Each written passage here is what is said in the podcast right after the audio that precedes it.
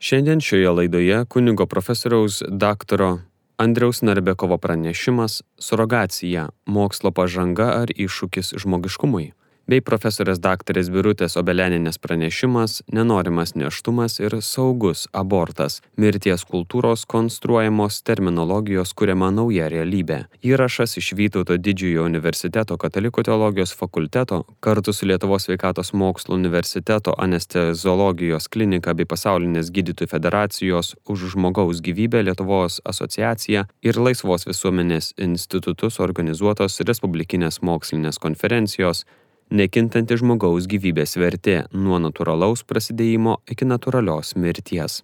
Sveikinuosi su visais, mėlyjeji, ir noriu pradėti nuo to, kad e, man mama sakydavo, kurios aš taip nelabai seniai ir netekau, jinai sakydavo, vaikeli, bijok žmogaus, kuris nežiūri tau į akis, kai su tavim bendrauja.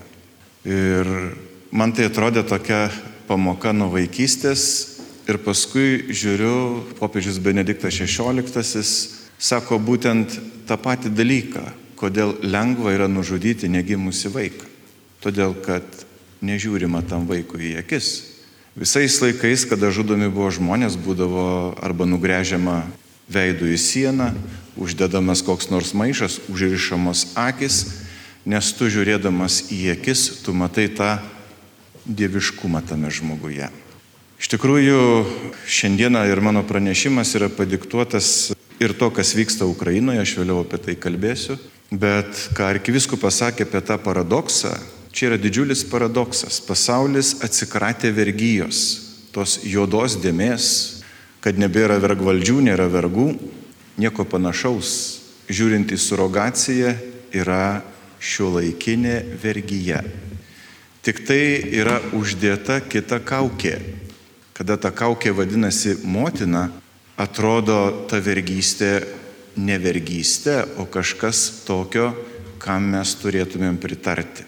Todėl, mėlyjeji, aš ir norėčiau šios temos kontekste ir truputėlį pasiaiškinti drauge, kas čia per dalykas ta surogacija ir tikrai ar tai yra mokslo pažanga, ar čia vis dėlto turime iššūkį žmogiškumui.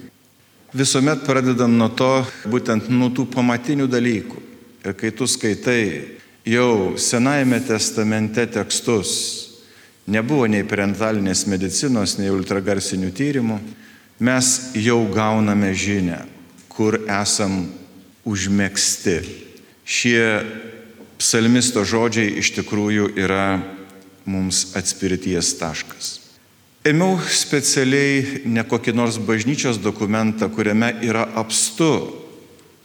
Ir šiandien girdėjome citatų apie žmogaus vertę, kad žmogus negali būti daiktų. Štai čia turite kantą, kuris labai aiškiai įvardino tą principą, kad žmogus niekuomet negali būti daiktas arba priemonė, žmogus visada privalo būti tikslas tas kanto imperatyvas, personalizmo principas, kurį mes surandame ir bažnyčios dokumentuose, ir visoje humanistinėje literatūroje. Norint kalbėti apie surogaciją, reikia nuimti tas kaukės, kaip aš jau ir minėjau, pamatyti, kas yra po šituo terminu, nes vis tik tai tas žodis motinystė mus e, iš tiesų labai paveikia. Čia paėmiau iš vieno bažnytinio dokumento, būtent tikėjimo ir mokslo kongregacijos dokumento Donum Vite, gyvenimo dovana. Ir čia turėsiu priekaištą. Kaip ir pradžioj turėčiau, galėčiau pasakyti priekaištą Dievui, kodėl jisai embrionui nedavė akių, nes jeigu embrionukas turėtų akytės, mes kitaip su juo elgtumėmės, čia priekaištas pačiam Dievui. Čia truputėlį turėsiu pastabų, gal per drąsų sakyti pastabų Vatikano dokumentui, bet iš tiesų reikėtų pamatyti vieną labai svarbų dalyką. Todėl, kad ta instrukcija apibrėžia surogatinę motiną, pažiūrėkime tokiu dviejopų aspektu. Tai yra vienas apibrėžimas, kad tai yra moteris, kuri neštumo metu nešioja embrioną implantuotą jos gimdoje ir kuri yra genetiškai svetima embrionui. Nes jisai buvo gautas susijungus donorų lytinėms lastelėms. Jinai nešioja neštumą įsipareigodama atiduoti kūdikį, kai jis gims šaliai, kuri užsakė arba sudarė susitarimą dėl neštumo. Čia mes matome, kad moteris nešioja ne savo biologinį vaiką. Toliau, čia taip pat surogatinė motina yra įvardinama ir kitaip. Moteris, kuri neštumo metu nešioja embrioną, prie kurios sukūrimo ji prisidėjo dovanodama savo kiaušialastę apvaisintą ne jos vyro spermą. Jis išnešioja neštumą įsipareigodama atiduoti vaiką, kai jis gims tiems, kurie užsakė, kad tą vaikelį pagimdytų. Žinoma, neuždyka. Bet čia mes išvelgiame labai aišku skirtumą. Ir sudėti į vieną, kad tai yra surogatinė motinystė, truputėlį jau ne visai tiktų. Todėl, kad šiuo atveju moteris parduoda savo vaiką, savo biologinį vaiką. Dirbtinio apvaisinimo gairėse, nes čia visada bandoma mums sakyti, kad mes turime žiūrėti dokumentus, kurie išleidžiami tų institucijų, kurios tą veiklą užsijima. Tai štai kaip yra apibrėžiama surogatinė motinystė. Tai susitarimas, kuomet moteris sutinka pastoti pagalbinio apvaisinimo būdu. Ir štai žiūrėkime, kai ne viena iš lytinių lastelių nepriklauso nei jai, nei jos vyrui, ketindama išnešioti vaiką iki galo ir perduoti jį asmenims, kuriems jinai tarnauja arba jinai pasitarnauja jiems kaip surogatinė motina. O surogatinė motina yra moteris, kuris sutinka, kad jai būtų implantuotas embrionas, sukurtas iš vyro, kuris nėra jos vyras, spermos, ir kitos moters, ne jos pačios kiaušialastės, kad ji išnešiotų neštumą iki galo ir perduotų vaiką jo biologiniams tėvams.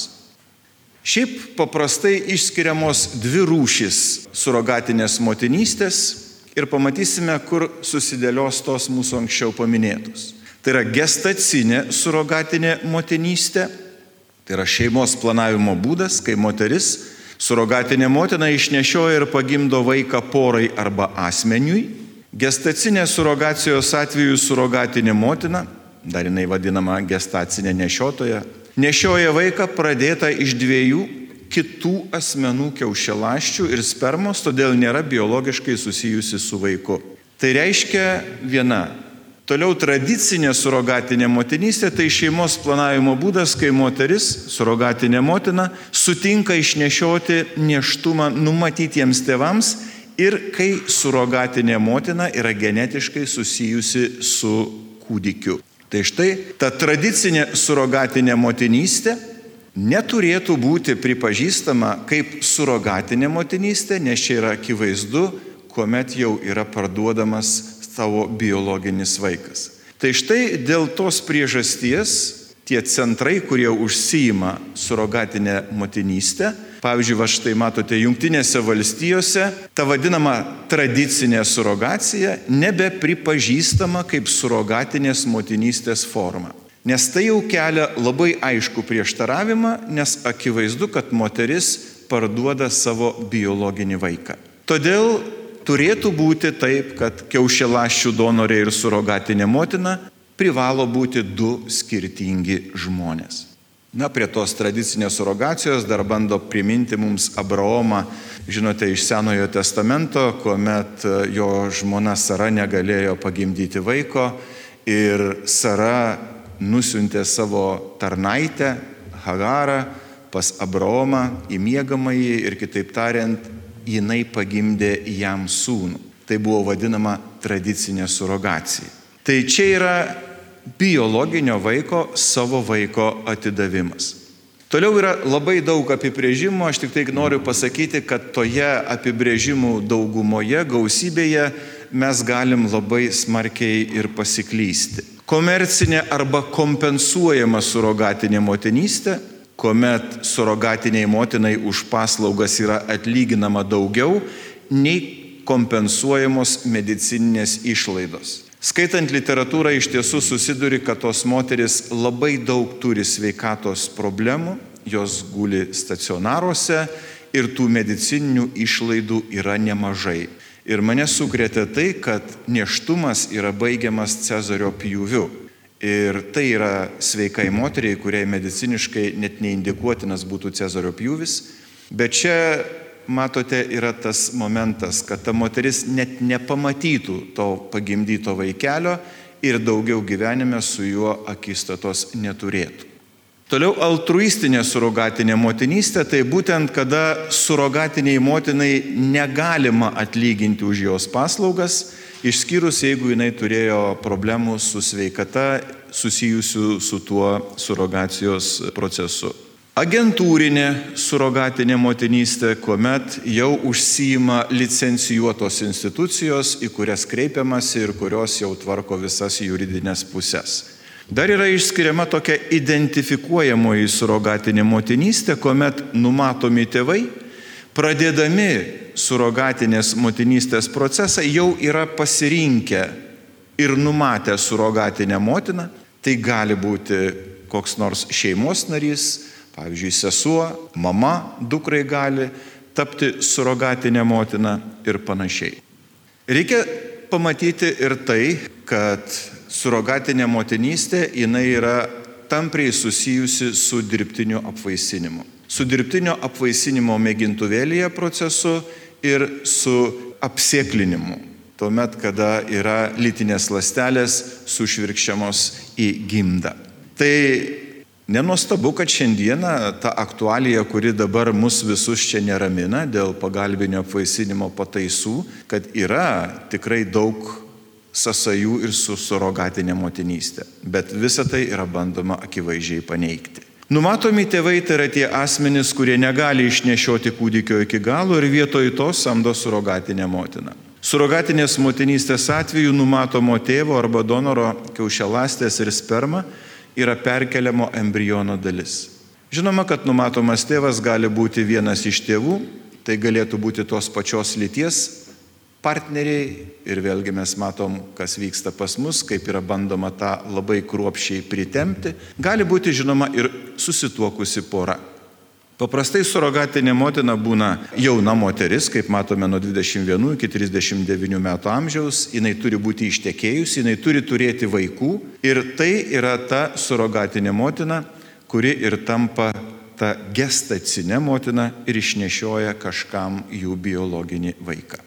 Kaip minėjau, ta intrauterinė inseminacija skamba truputėlį, atrodo gražiau negu apsėklinimas, bet čia mes turime tuos terminus, kurie tikrai yra žmogaus orumą nelabai atitinkantis, jie labiau yra zootechniniai terminai. Tai paprastai ta tradicinė surogatinė motinystė yra paprasta. Štai iš altruizmo Ar tai būtų siekiama materialinės naudos, moteris sutinka pagimdyti vaiką nevaisingai porai ir yra tiesiog dirbtinai apvaisinama vyro sperma. Savaime suprantama, dėl to ir kyla labai daug etinių ir teisinių klausimų.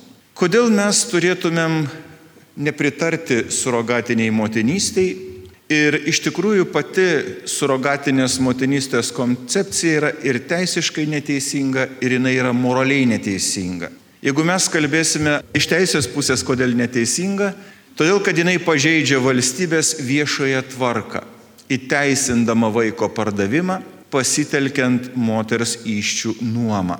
Tai jau pasako kai ką apie tos valstybės kultūrą. Kad moraliai neteisinga, todėl kad pažeidžia biologinę ir dvasinę vyro ir žmonos vienybę, bei tėvų ir vaiko santykius. Surogatinė motinystė kaip teisinė neteisybė, todėl kad tvirtai yra įtvirtinta valstybės viešoji politikoje dėl daugybės priežasčių, svarbiausia dėl to, kad jinai išnaudoja vaiką kaip prekę. Vaikas yra produktas, įkainotas ir išnaudoja moterį, kuri yra to produkto gamintoja. Taigi pirmu atveju matom, kad tai yra didelis neteisingumas, o antruoju visiškai ignoruojama ir socialinė atsakomybė. Kad tai yra moraliai neteisinga, įdomu yra tai, kad norint pakalbėti, kad čia yra kažkas moraliai negerai, reikia žinoti, kas yra moraliai gerai. Vat štai kaip ir, pavyzdžiui, medicinoje, jeigu norim pakalbėti, kas yra lyga, turim žinoti, kas nėra lyga. Tai štai kuomet mes pažvelgiame į tai, kaip turėtų ateiti vaikas į pasaulį, kaip vyksta meilės perdavimas su toktiniu vienas kitam ir kad vaikas ateina į pasaulį iš jų savęs dovanojimo vienas kitam ir ateina kaip dovana, štai čia ir reikėtų žiūrėti, kas nutinka, jeigu atsiranda surogatinė motinystė. Taigi tiek lytinės elgsenos, tiek reprodukcinės medicinos srityje neleistinas veiksmas yra tas, kuris iškreipia arba pakeičia tam tikrą santokinio lytinio akto aspektą, palikdamas nuo šalyje tą esminį branduolį, būtent savęs dovanojimą sutoktiniui. Iš tikrųjų mes turim išgrininti principą, kad santokinio akto, kada du asmenys šeimoje tampa vienu kūnu, išreikšdami meilę ir būdami atviri gyvybei, kad tie du dalykai negali būti atskiriami. Todėl šitas principas jisai turėtų būti svarstomas, kada kalbam apie lytinę elgseną, tam tikrus mūsų veiksmus ir žinoma, tas pats principas turėtų būti taikomas ir reprodukcinėje medicinoje, jeigu mes pažeidžiame tą, kas yra santokinis aktas.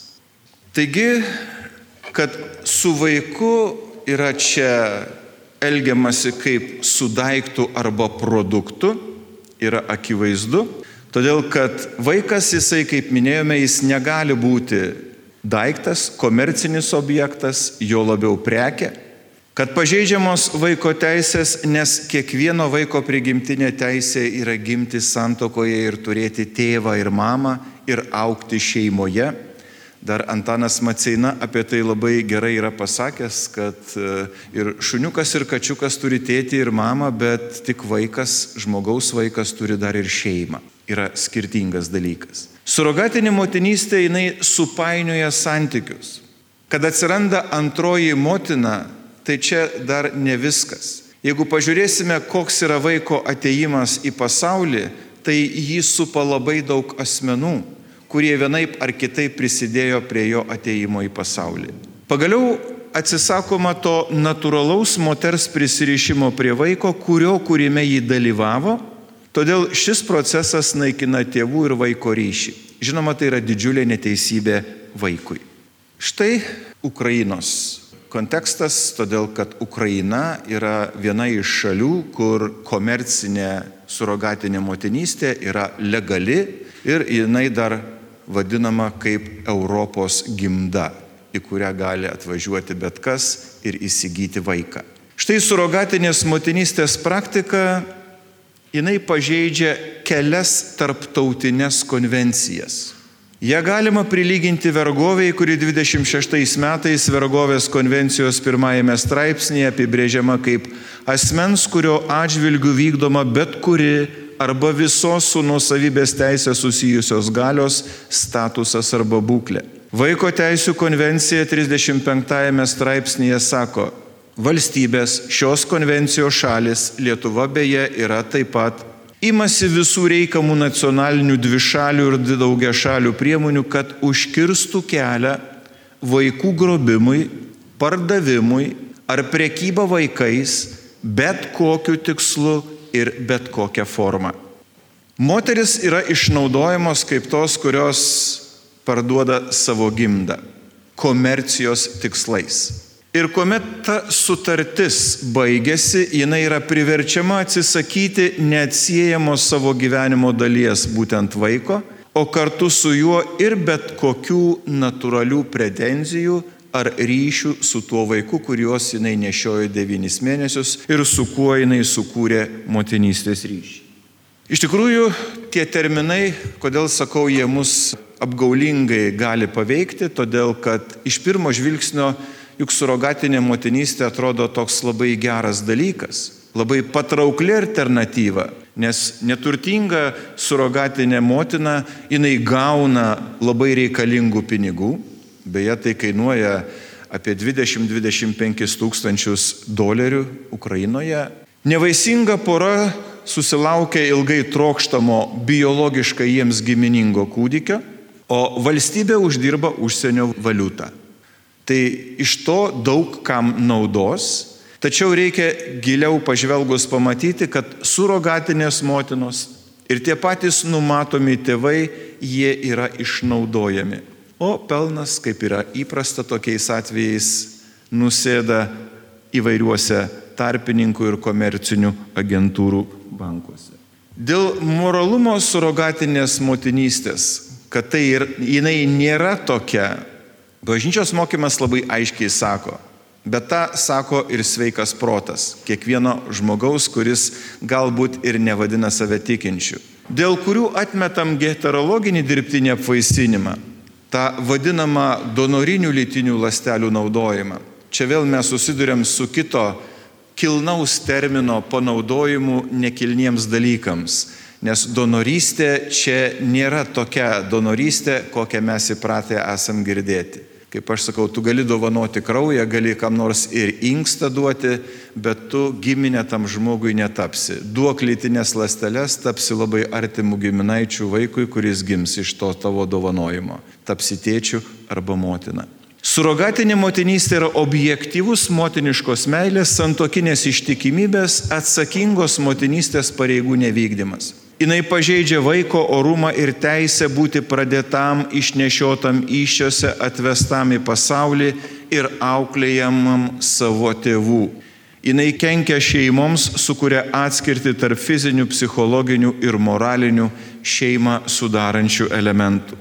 Bet kadangi šeimos samprata jau pas mus baigiama sugriauti, tai visi šitie dalykai, tikėkime, bandys spraustis ir po šitą mūsų šeimą, į kurią mes dabar žvelgiame jau ne kaip į tą, kuri turėtų būti kaip prigimtinė. Bet dabar pažiūrėkime tokį trumpai dėl pranešimo trukmės, aš negaliu įsiplėsti, bet yra tokių situacijų, kada vaikas jau yra pradėtas, embrionas jau yra ir jeigu jisai nebus įkeltas į gimdą, jisai tiesiog žus. Štai dabar Lietuvoje aš net nebejoju, kad tai bus.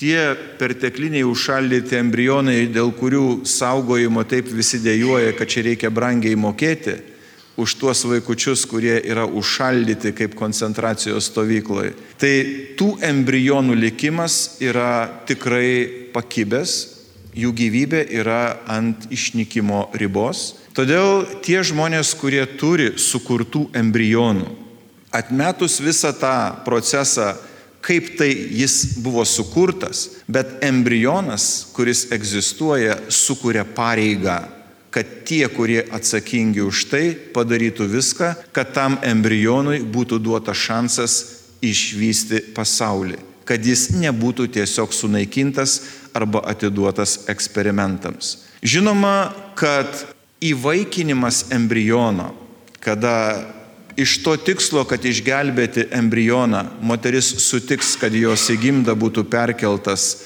embrionas, kuris bus genetiškai svetimas, taip jinai bus tam vaikui surogatinė motina. Bet skirtingai nuo to koncepto, apie kurį dabar šnekam, jinai nebus ta, kuri laikinai išnuomoja gimdą. Jinai bus ta mama, kuri kaip ir vaiko įvaikinimo atveju tą vaikelį globos visą gyvenimą ir jį bei jos sutoktinis bus to vaikelio tėvai visą jo gyvenimą.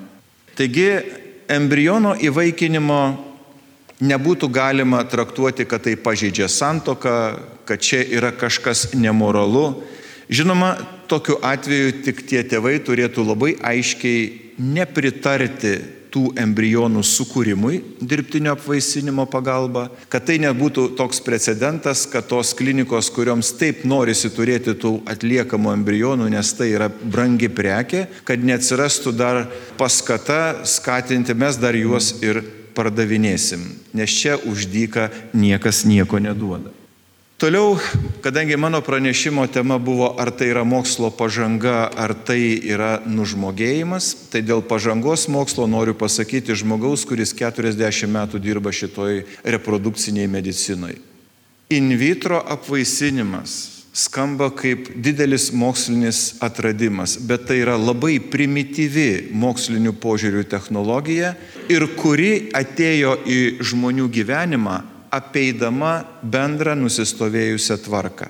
Tai yra besitęsintis eksperimentas. Ir profesorius Winstonas labai aiškiai tą įvardina.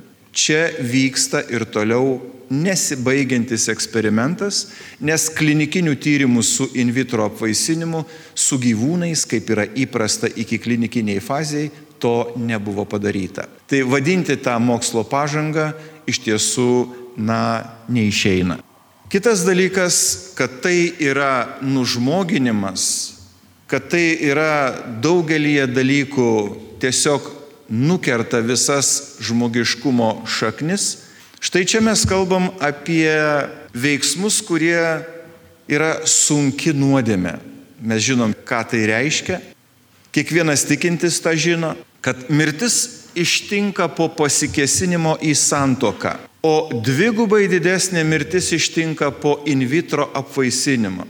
Ir jeigu moteris kesinasi į savo reprodukcinį vientisumą, leisdamos pastoti mechaninėmis priemonėmis, mirtis ištiks kaip visada, kai žmonės sunaikina žmogaus orumo jausmą. Štai vaizdas iš Ukrainos ir dabar ką daryti su tais vaikais, kurių niekas net važiuoja pasiimti. Mat yra pavojinga. Jeigu būtų tikrieji tėvai, kuriems vaikas būtų pavojuje, ar jūs čia nemestumėt visko ir neliektumėt pasiimti savo vaikų, čia yra prekė, nusipirksim kitą. Tai reiškia, tie vaikai, kurie yra dabar slepiami požemiuose dėl tos karo situacijos, jų gyvybės yra iš tiesų pavojuje.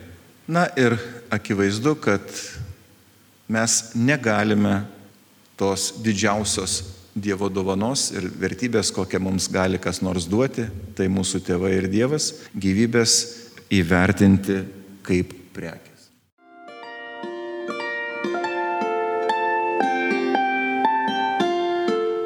Jūs girdite Marijos radiją.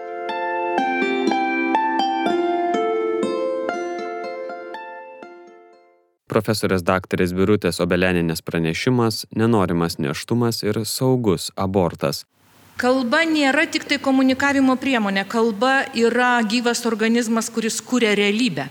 Tik įsijungia televizorių, jūs puikiai mato dvi šalis, kurios yra skirtingose realybėse ir skirtingose realybėse dėl skirtingos kalbos. Tai yra kalba ta pati, rusų kalba, tarsi, bet vartojamos savokos ir tai, kas tos kalbos turinį sudaro visiškai skirtingą realybę.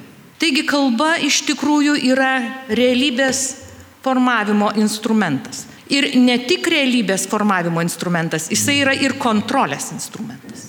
Ir nuolatinis tos pačios kalbos vartojimas tai yra pamatinis tikrovės palaikymo faktas, nes visi, kurie kalba tą pačią kalbą, yra tą tikrovę palaikantis. Kalba ir mąstysena yra neatsiejami, nori pakeisti žmogaus sąmonę, pakeisk kalbą. Ir šiuolaikinėje visuomenėje stebima tendencija sąmoningai manipuliuoti terminais, kad išnyktų ribos tarp gyvybės ir mirties kultūros. Mirties kultūros žymė yra kuriama kalba. Iš pradžių jinai jos nesusekat, bet pradedam ją kalbėti. Ir tokiu būdu mes tą mirties kultūrą įtvirtinam. Ir aš kalbėsiu būtent apie ūkdymo turinį, kuriame jis yra pats labiausiai pavojingas. Taigi kalba tampa pagrindiniu naujos socialinės realybės konstravimo įrankiu ir kontrolės įrankiu. Pradedamos kurti tam tikros paradoksalios, kontroversiškos savokos, kurios mėgina sujungti nesuderinamus dalykus. Tai yra tai, kas yra mūsų prigimčiai visiškai priimtina ir savita teisė, laisvė, sveikata ir pridedant visiškai žodį, kuris yra su tuo nesuderinamas. Reprodukcinė sveikata, reprodukcinės teisės. Tai lygiai tas pats, kaip aš pasakyčiau, dieviškai velniška. Tai yra tai, kas yra mums priimtina, sujungiama su tuo, kas yra visiškai nepriimtina. Tokiu būdu kalba tampa kontrolės įrankiu. Kaip tai vyksta? Pirmiausiai dozuojama informacija. Kas valdo informaciją, tas valdo sąmonę. Kurioje vietoje dozuojama informacija ūkdymo turinyje, taip pat ir medicinoje.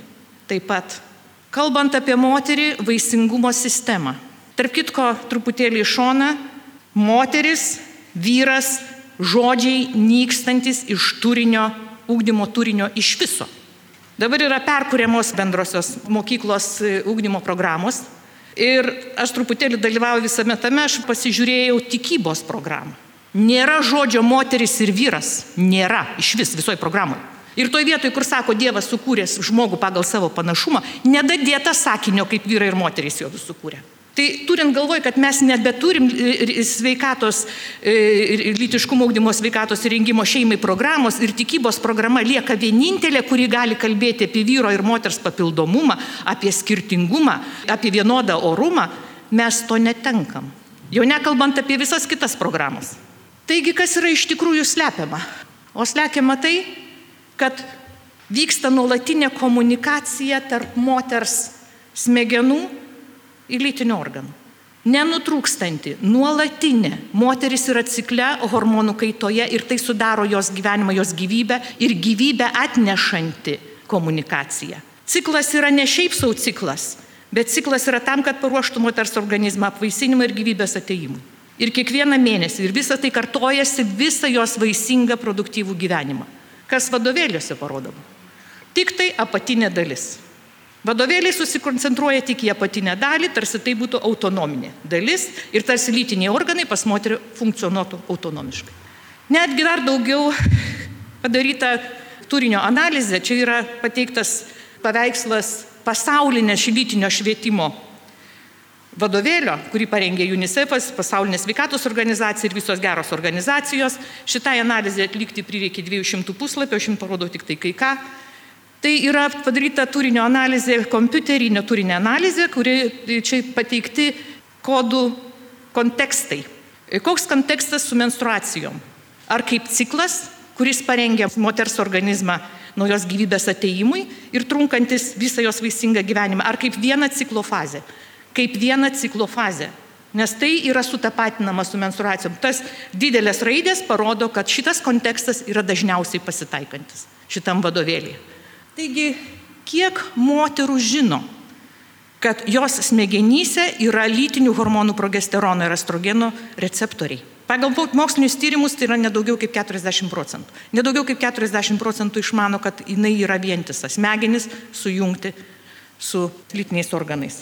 Taigi galima sakyti, kad įsipildė feministės klasikės, feminizmo motinos, kaip jinai laikoma, Simone de Beauvoir, didžiulė svajonė kad didžia dalimi išsigelbėjimus iš reprodukcinės vergonės moteris gali sutikti su siūlomu ekonominiu vaidmeniu. Kontracepcijos priemonės ir legalaus abortas leistų moteriai laisvai imtis motinystės pareigų.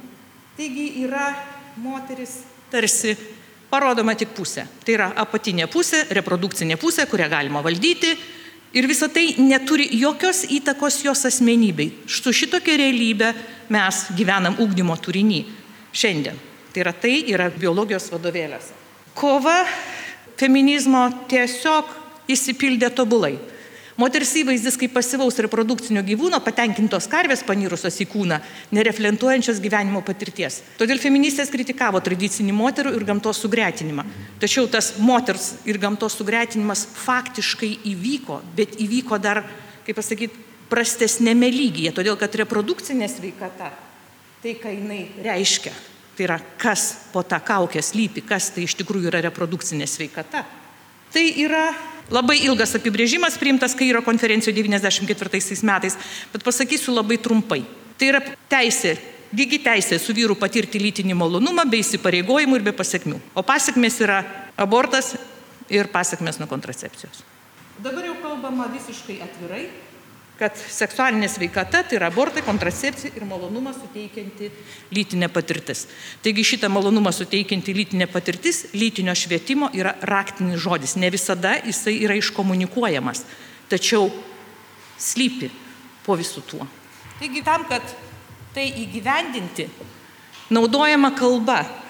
Kontracepcija yra moderni, efektyvi, neštumas visą laiką naudojamas su negatyvu Nelauktas, netikėtas, neplanuotas apsaugo nuo neštumo, neštumo prevencija, neštumo ir lytiškai plintančių lygų sugretinimas.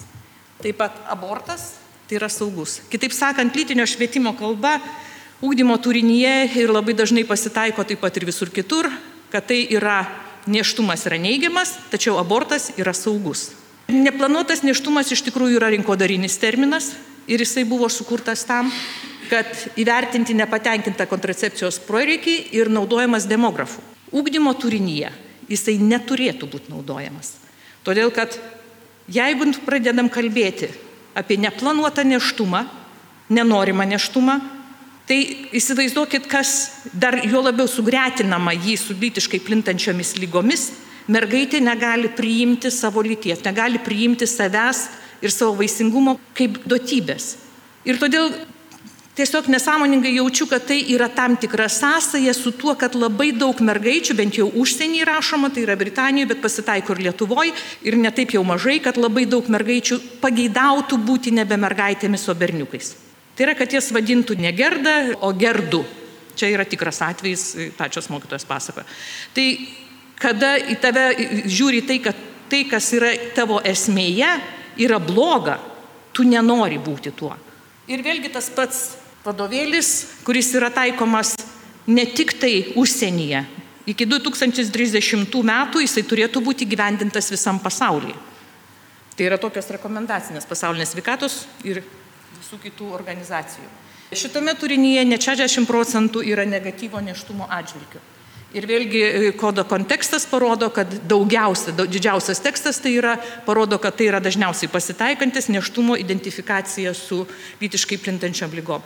Neštumas nėra traktuojamas kaip būsena, moters būsena, kada jinai laukiasi kūdikio. Nėra jokio ryšio tarp motinos besilaukiančios ir kūdikio. Apie tai nekalbama iš vis. Neštumas tiesiog yra labai nepatogi būsena. Labai nepatogi moters būsena, kurios reikia be kokią galimybę išvengti ir kontracepcija tam labai padeda. Yra pagrindinė mintis tokia. Taigi, tam tikrą prasme, lytinis švietimas naudoja neurolingvistinį programavimą ir tos neurolingvistinės programavimo technikos, tokios kaip yra užtvirtinimas, reframingas, tai užtvirtinimas šiuo atveju pritvirtinama arba prie tam tikros emocijos. Ir lytinis švietimas pritvirtina neštumą prie mirties. Vienas iš lytinio švietimo vadovėlių labai paplitusi, tarp kitko, pasaulyje užduotis.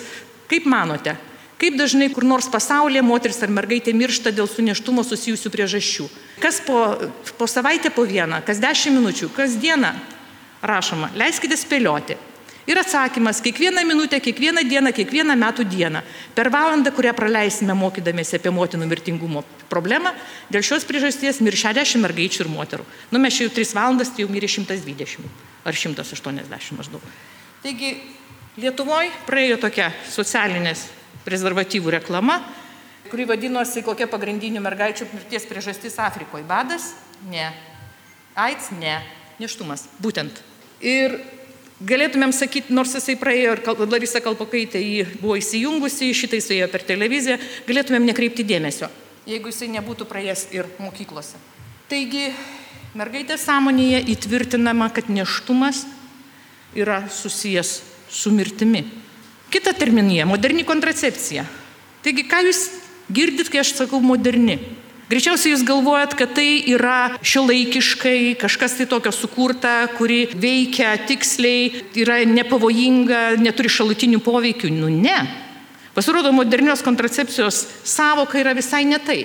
Tai yra produktas ar medicinė procedūra, kurie trukdo reprodukcijai lytinių santykių metu, yra technologinė pažanga skirta įveikti biologiją, kuri leidžia poroms lytiškai santykiauti, bet kuriuo abiems pusėms pageidaujamų laiku. Tai moderni kontracepcija ką uždaro? Moterį, jos vaisingumą. Tai kitaip sakant, jinai tampa visada prieinama kaip atidaros durys. Ir vėlgi tam pačiam vadovėlį modernios kontracepcijos šitos savokos yra daugiausia. Taip pat moderni kontracepcija taip pat apima ir hormoninę kontracepciją. Tai jeigu mes sakysim, kad bet kuri kita kontracepcija atitiktų barjerinę, pavyzdžiui, atitiktų žodį kontracepcija, tai hormoninė kontracepcija žodžio kontracepcija net netitinka. Apie hormoninę kontracepciją vėlgi pasakoma tik pusė tiesos. Paaiškinama tik tai, tai, kad hormoninė kontracepcija veikia tik į moters lytinius organus ir visiškai neveikia jos smegenys. Ką visiškai kitaip kalba tie, kurie gamina hormoninę kontracepciją. Šitą schemą paimta iš šeringo. Hormoninė kontracepcija nutraukia grįžtamą ryšį tarp smegenų centrų ir lytinių organų. Kodėl taip yra daroma? Klausimas. Kodėl slepiama informacija? Kodėl sutapatinama neštumų su lytiškai plintančiom lygom? Taigi kodėl? Kas po to slypi? Taigi kontracepcija, savo išvertus iš lotynų kalbos, reiškia prieš apvaisinimą.